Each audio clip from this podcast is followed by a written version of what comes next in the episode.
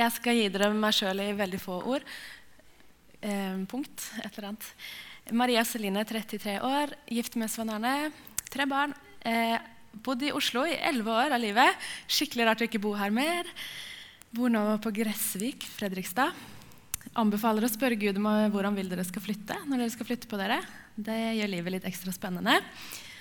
Um, I dag så har jeg med meg favorittboka mi. Uh, og jeg skal vise dere tre ting fra Bibelen min, fra Bibelen min i dag. Det viktigste er bibelteksten jeg har fått tildelt, uh, som vi skal lese seinere.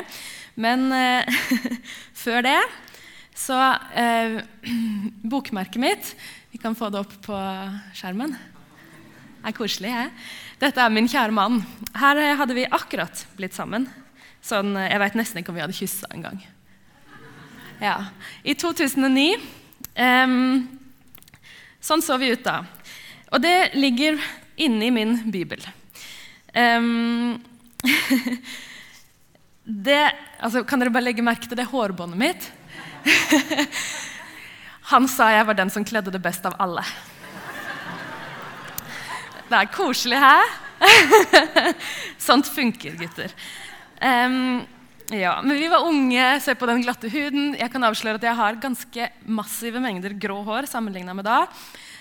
På den tida der hadde vi ikke hatt noen våkenetter, ingen strekkmerker etter graviditet, ingen sånne ting som har kommet med åra. Um, så det bildet lagt inni den boka. Det er en sånn ekstrem kontrast. Er det ikke det? Jeg er sånn som liker å leke mor. da.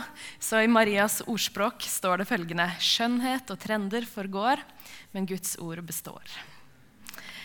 Skjønner dere tanken? det er kleint her. Men jeg har lært at hvis man bare eier sin egen humor og sine egne vitser, så går det bra. Samme det. Dere, den sannheten at Guds ord består Ta med dere den, selv om alt var dårlige vitser så langt. Det er ikke en dårlig vits. Det er en sannhet at Guds ord består og er det samme til evig tid. Selv om jeg ikke ser sånn ut lenger. Um, ja, du kan ta bort bildet nå. Um, og det vi finner i Bibelen Bibelen er den boka vi tar fram her møte etter møte ikke sant? og slår opp i og spør om veiledning for livet. Den uh, boka den, uh, er verdt å bygge livet på. Tenk to sekunder på det. Uh, vi skal be litt mer. Kjære himmelske Far, jeg takker deg for at du har gitt oss ei hel bok full av sannheter fra deg. Eh, sannheter om oss, sannheter om deg. Sannheter som gjelder for våre liv, og som gjør det godt å leve. Og så ser du at det kan utfordre oss, og det kan provosere oss, og det kan være vanskelig å forholde seg til.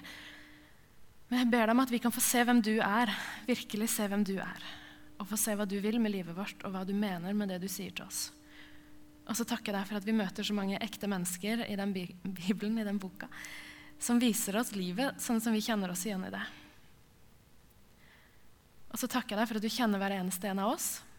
Og jeg ber om at du må møte oss akkurat her og akkurat nå, der vi er i våre liv, med det du har til oss i dag. Takk for at du er her med din ånd, takk for at du er levende til stede sammen med oss.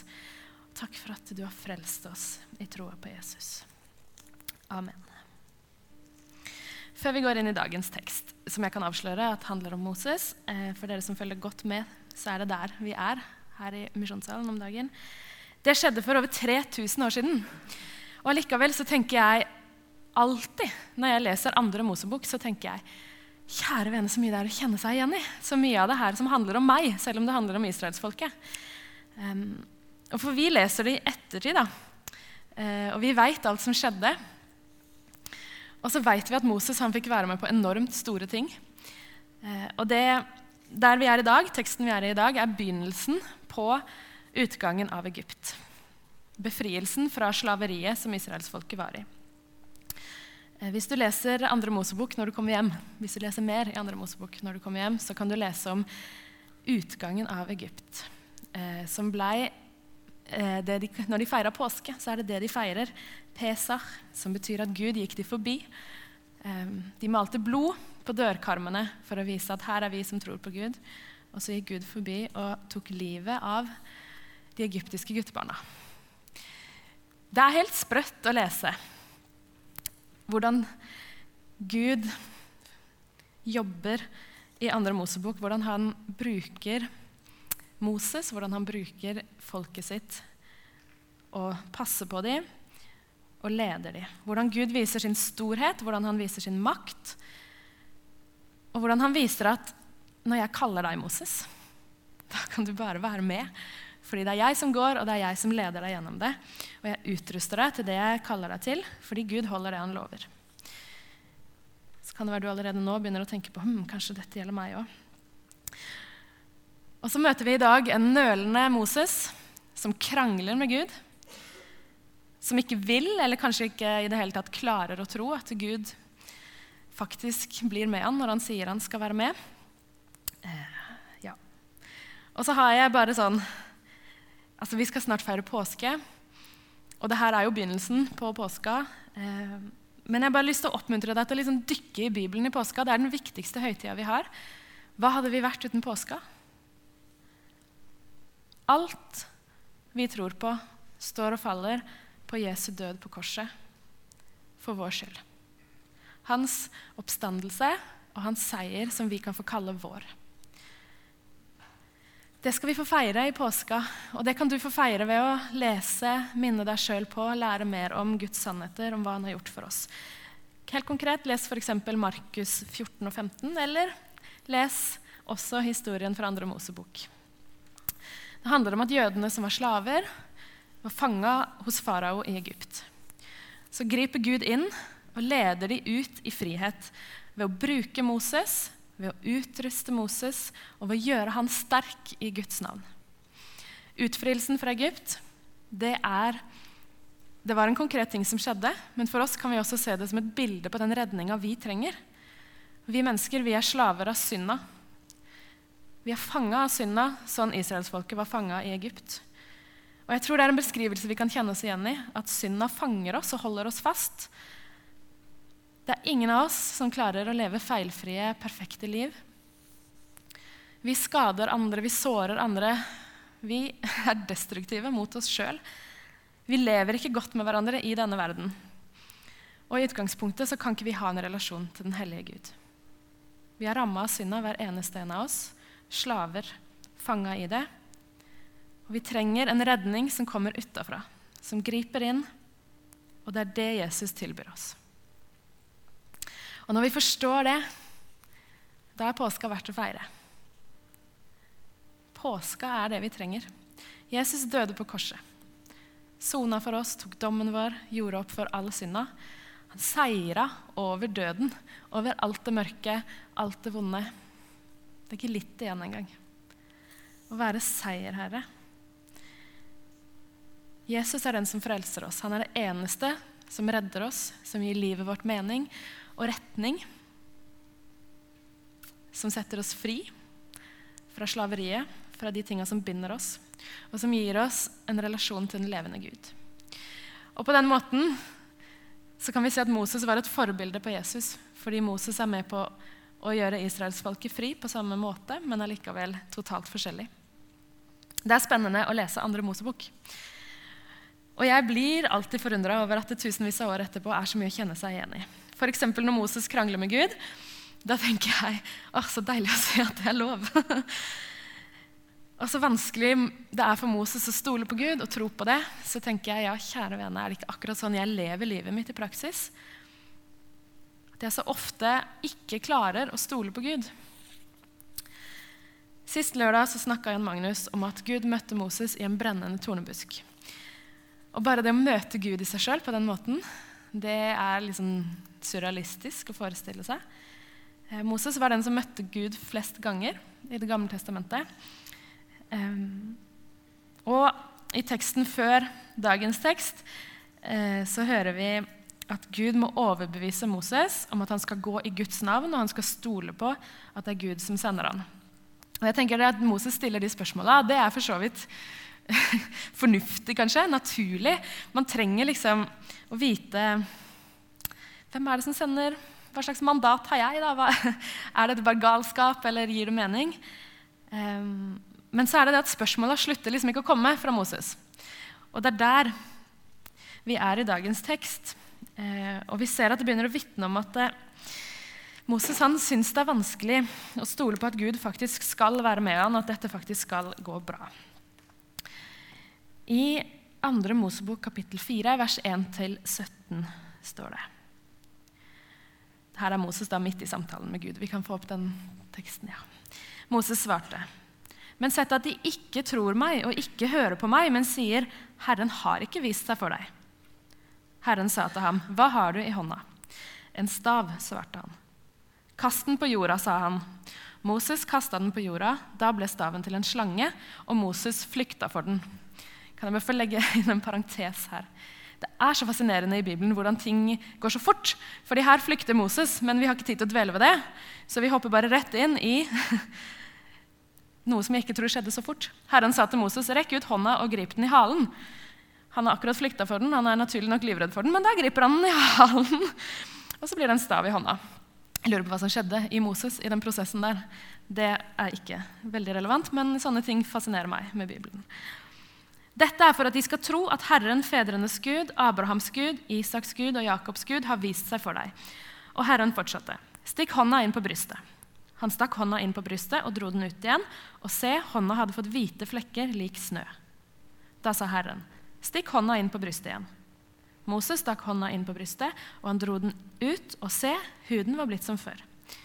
Om de ikke tror deg og ikke adlyder ved det første tegnet, så vil de tro etter dette, det andre.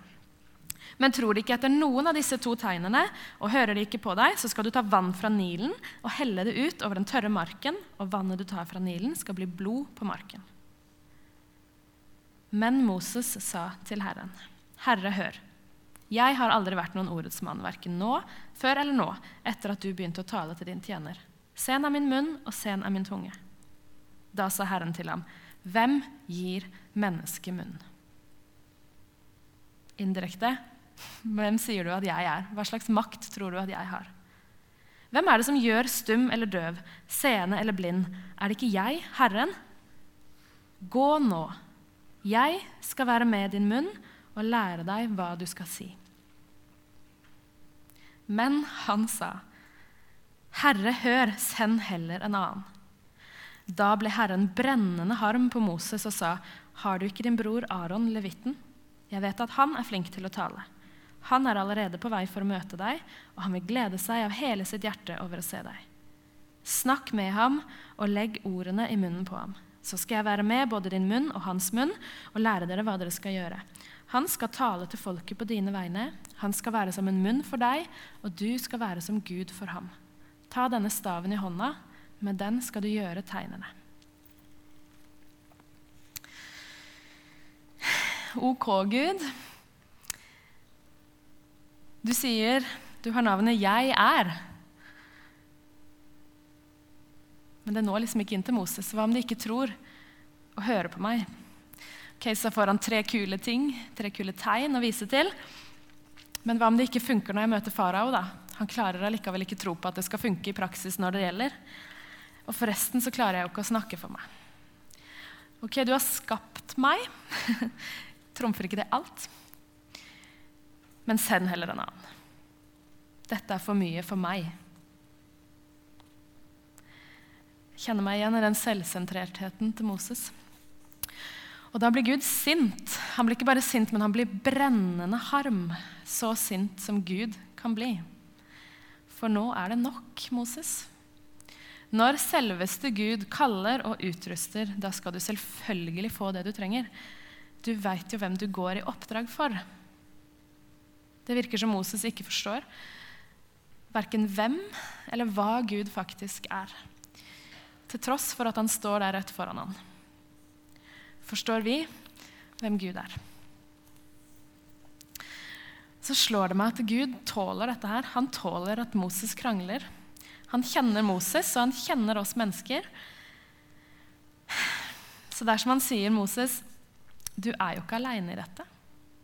Selveste Gud er her med deg. Og jeg ser at du er lite troende. Og du kanskje trenger en venn å støtte deg på. Du trenger en bror. Du trenger å være en del av et team. Ikke fordi broren din Aron gjør deg noe sterkere. Det er ikke Aron som skal føre folket ut av Egypt. Det klarer dere bare fordi jeg er med dere. Men du trenger kanskje noen å se der ved siden av deg og holde i hånda og gå sammen med. Og så er det så vakkert synes jeg, at Gud gir Moses Aron på den måten. Fordi Gud trenger ikke Aron. Men Moses trenger Aron. Og vi trenger hverandre i det fellesskapet som vi er satt i. Og så kjenner jeg meg igjen i det. Gi meg det konkrete, det synlige, det jeg kan se, så skal jeg stole på det. Men ord og løfter fra Gud i denne boka her, vitnesbyrd fra et hav av andre kristne foran meg, det er så vanskelig å gå på i eget liv. Og så er det jo sånn da, at Bibelen betegner oss som sauer, vi mennesker. Og det er jo akkurat sånn vi er. Dumme, veit ikke vårt eget beste, går oss vill, begrensa i evnen til å forstå hva Gud faktisk er i stand til. Og så tror jeg vi må be om nåde for det. At Gud må få vise oss hvem han er, og hjelpe oss til å forstå. Og åpenbare for oss igjen og igjen hva han faktisk er mektig til. Hvor stor Gud er, og hvor heldige vi er, og hvor spennende det er å få lov å gå ut og møte verden med Gud. Og så har vi hverandre. Vi kan være Aron for hverandre. Så kan vi gå ut. Og vi trenger ikke å lure på hva som er vårt oppdrag, dere. For det står svart på hvitt i Bibelen. Vårt kall er å fortelle andre om Jesus.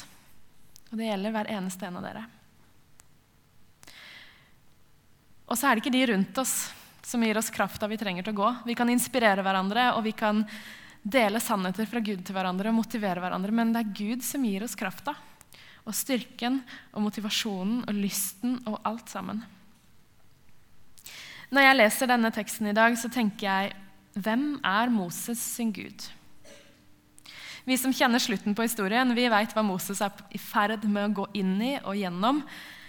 Og vi veit at den staven hans skal være med og være en kjempetydelig signal, symbol når han står og løfter den og holder den, og Rødehavet deler seg. Det er jo helt sykt.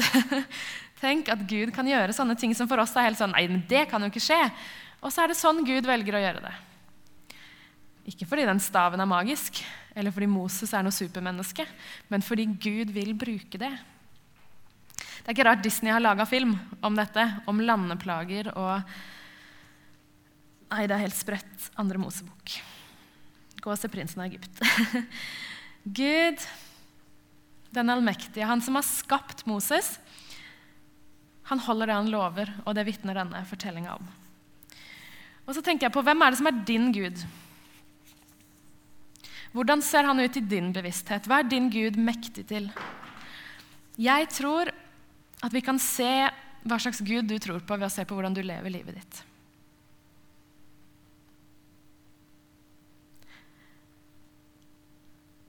Hvem er min Gud?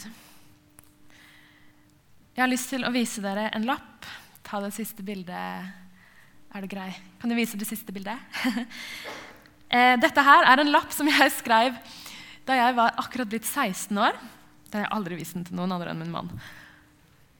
Nå er dere innvia i den innerste sirkelen. Ok, Jeg var på nyttårsleir i Nederland i 2001. Nå kan dere regne på hvor gammel jeg er. Eh, og her det møtte meg så, så sykt. Det er eh, noe av det mest overveldende opplevelsene jeg har hatt i mitt liv. Men jeg opplevde at Gud gjennom den konferansen og gjennom den talen jeg hørte, utfordra meg på hva vil du leve livet ditt for, Maria. Og her har jeg skrevet da, vil, Kjære far, jeg vil stå til din disposisjon. Jeg stoler på at du vil gi meg et kall, og at du vil gi meg nok styrke til å fullføre det du ønsker at jeg skal gjøre. Takk for livet. I love you.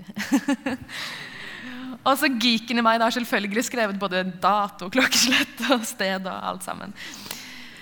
Men dere, for meg så er det, Jeg har teipa den fast foran i Bibelen min. Fordi den lappen, den, det, er min, det er min trosbekjennelse til min Gud. Fordi Moses sin Gud er min Gud, og så kan det være vanskelig for meg å se fra dag til dag hva det betyr i praksis å tro på en allmektig Gud.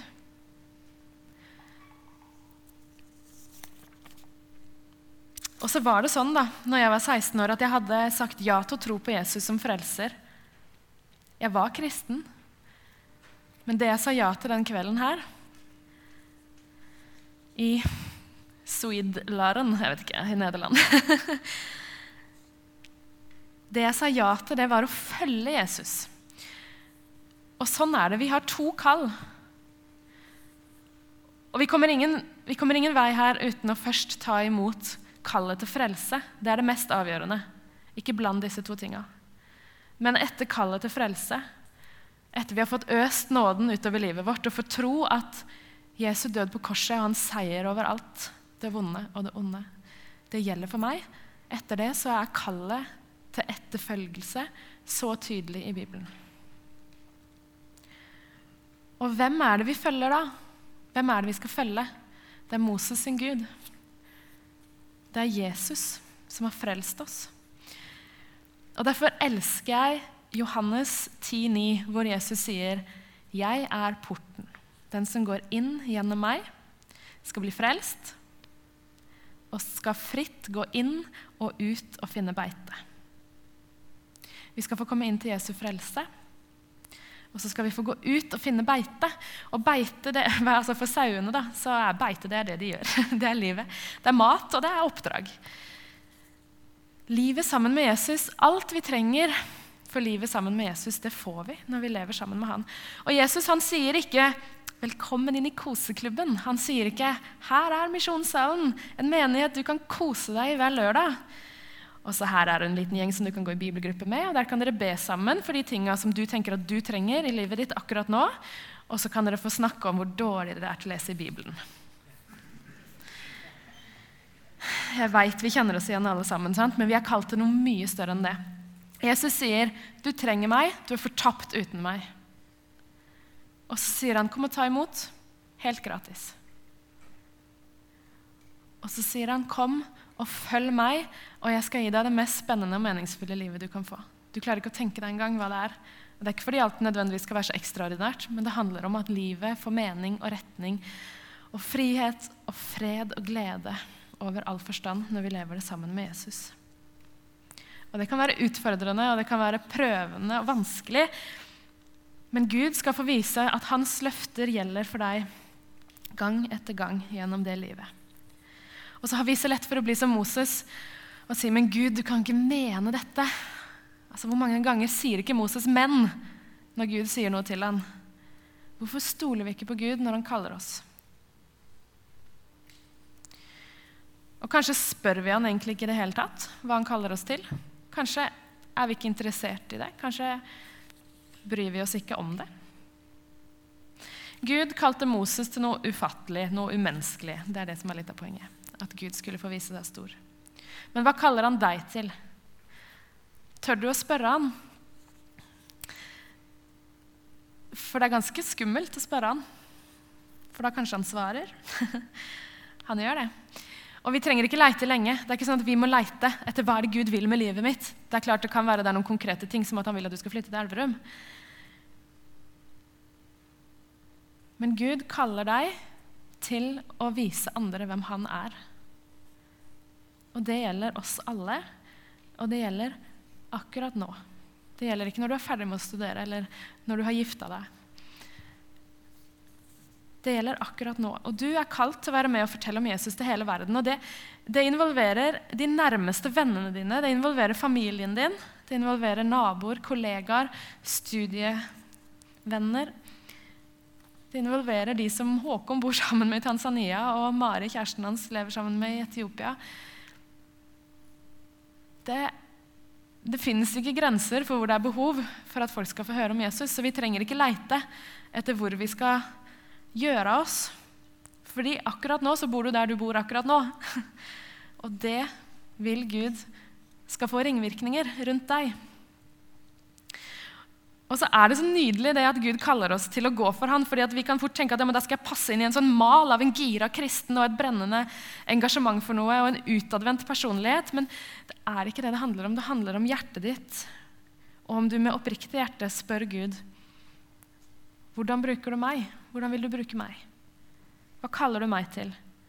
Hvilke muligheter skal jeg gripe? Hvilke relasjoner skal jeg bruke mer tid sammen med? Hvordan skal jeg få vise din kjærlighet til de folka jeg er rundt. For det er Moses sin Gud som er vår Gud. Og det er det som gir meg frimodighet til å stå her og tale i kveld. Altså, Jeg i meg sjøl er verken flink til å snakke eller veldig frimodig. Eller... Men når det handler om å snakke om Jesus, da er det bare å putte på en tier. Altså, fordi det er det beste du kan gi meg. Og så er det en ting som har ligget meg på hjertet den siste uka, som jeg må dele med dere. Fordi Forrige helg så var jeg på en konferanse i NLM, organisasjonen som står bak Misjonssalen. Um, og når den var ferdig, helt på slutten, så satt jeg ved et bord med ei dame som er snart pensjonist. Hun er pensjonist. Ganske mye eldre enn meg. Lurte på hvordan jeg hadde det i livet. Og så er det så godt å bli sett. så snakka vi litt om livet mitt, og så sier hun plutselig Men du, Maria. Jeg tror Jesus kommer igjen snart. og jeg bare Hvor kom det fra? Og så sa hun det en gang til. Jeg tror Jesus kommer igjen snart. Og jeg klarte ikke å slippe den tanken resten av dagen, og den har vært med meg hele uka. Fordi jeg veit jo det. At ingen vet når Jesus kommer igjen, men han kommer snart. Men jeg tror at Jesus kommer igjen snart.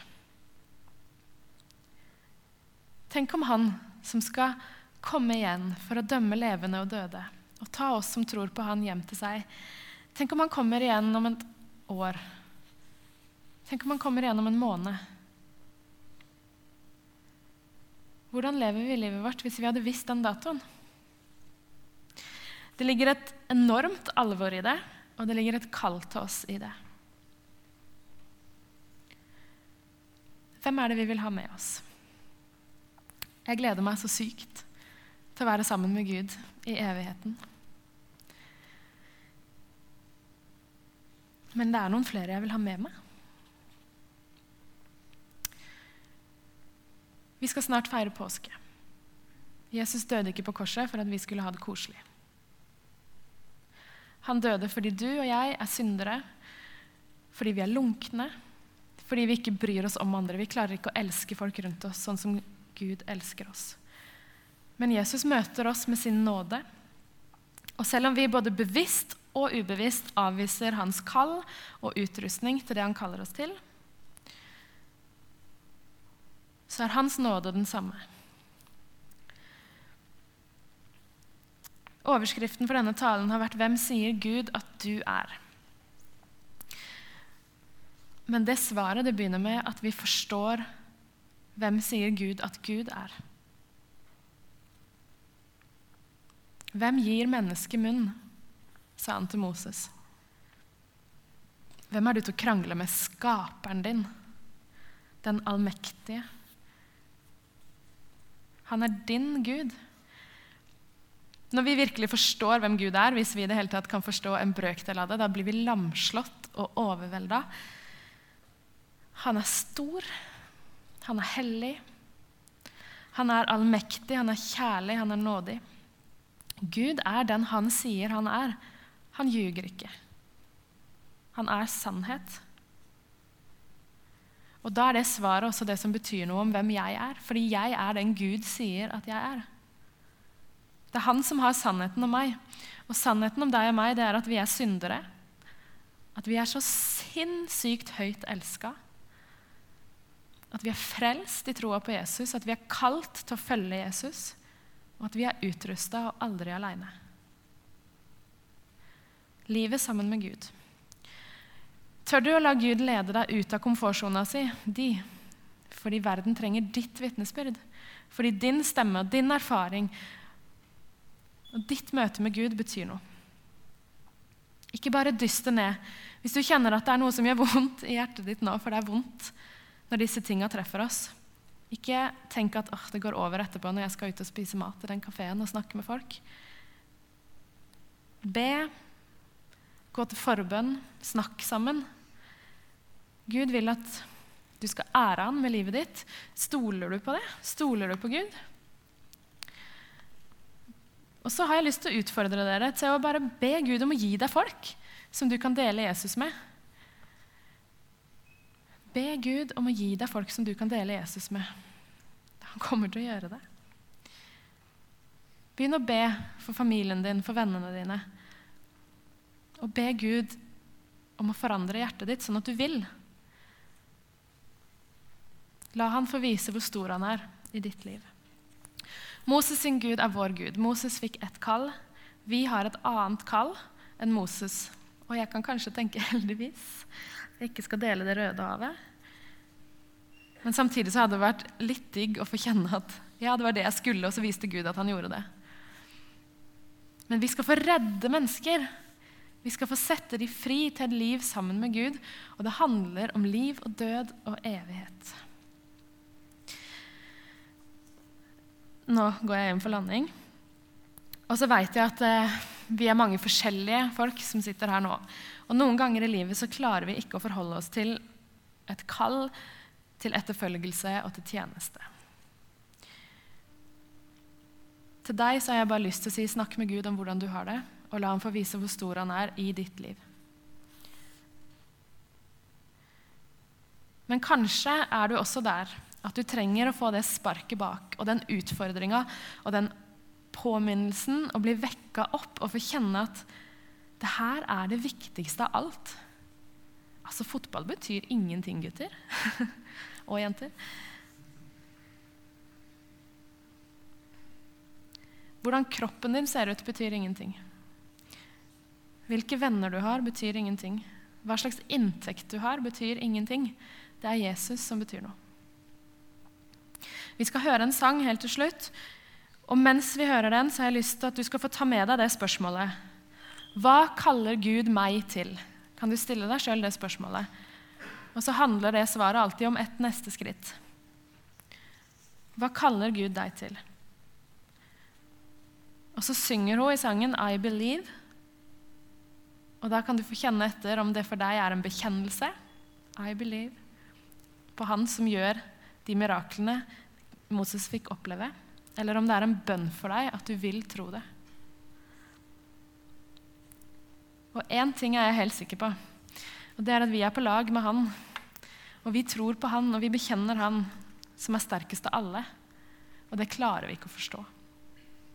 Men vi skal få tro det og la det motivere oss og kalle oss og drive oss gjennom hele livet. Jesus, takk for at du elsker oss så høyt som ingen andre kan gjøre. Jeg ber om at du må vise oss hvem vi er.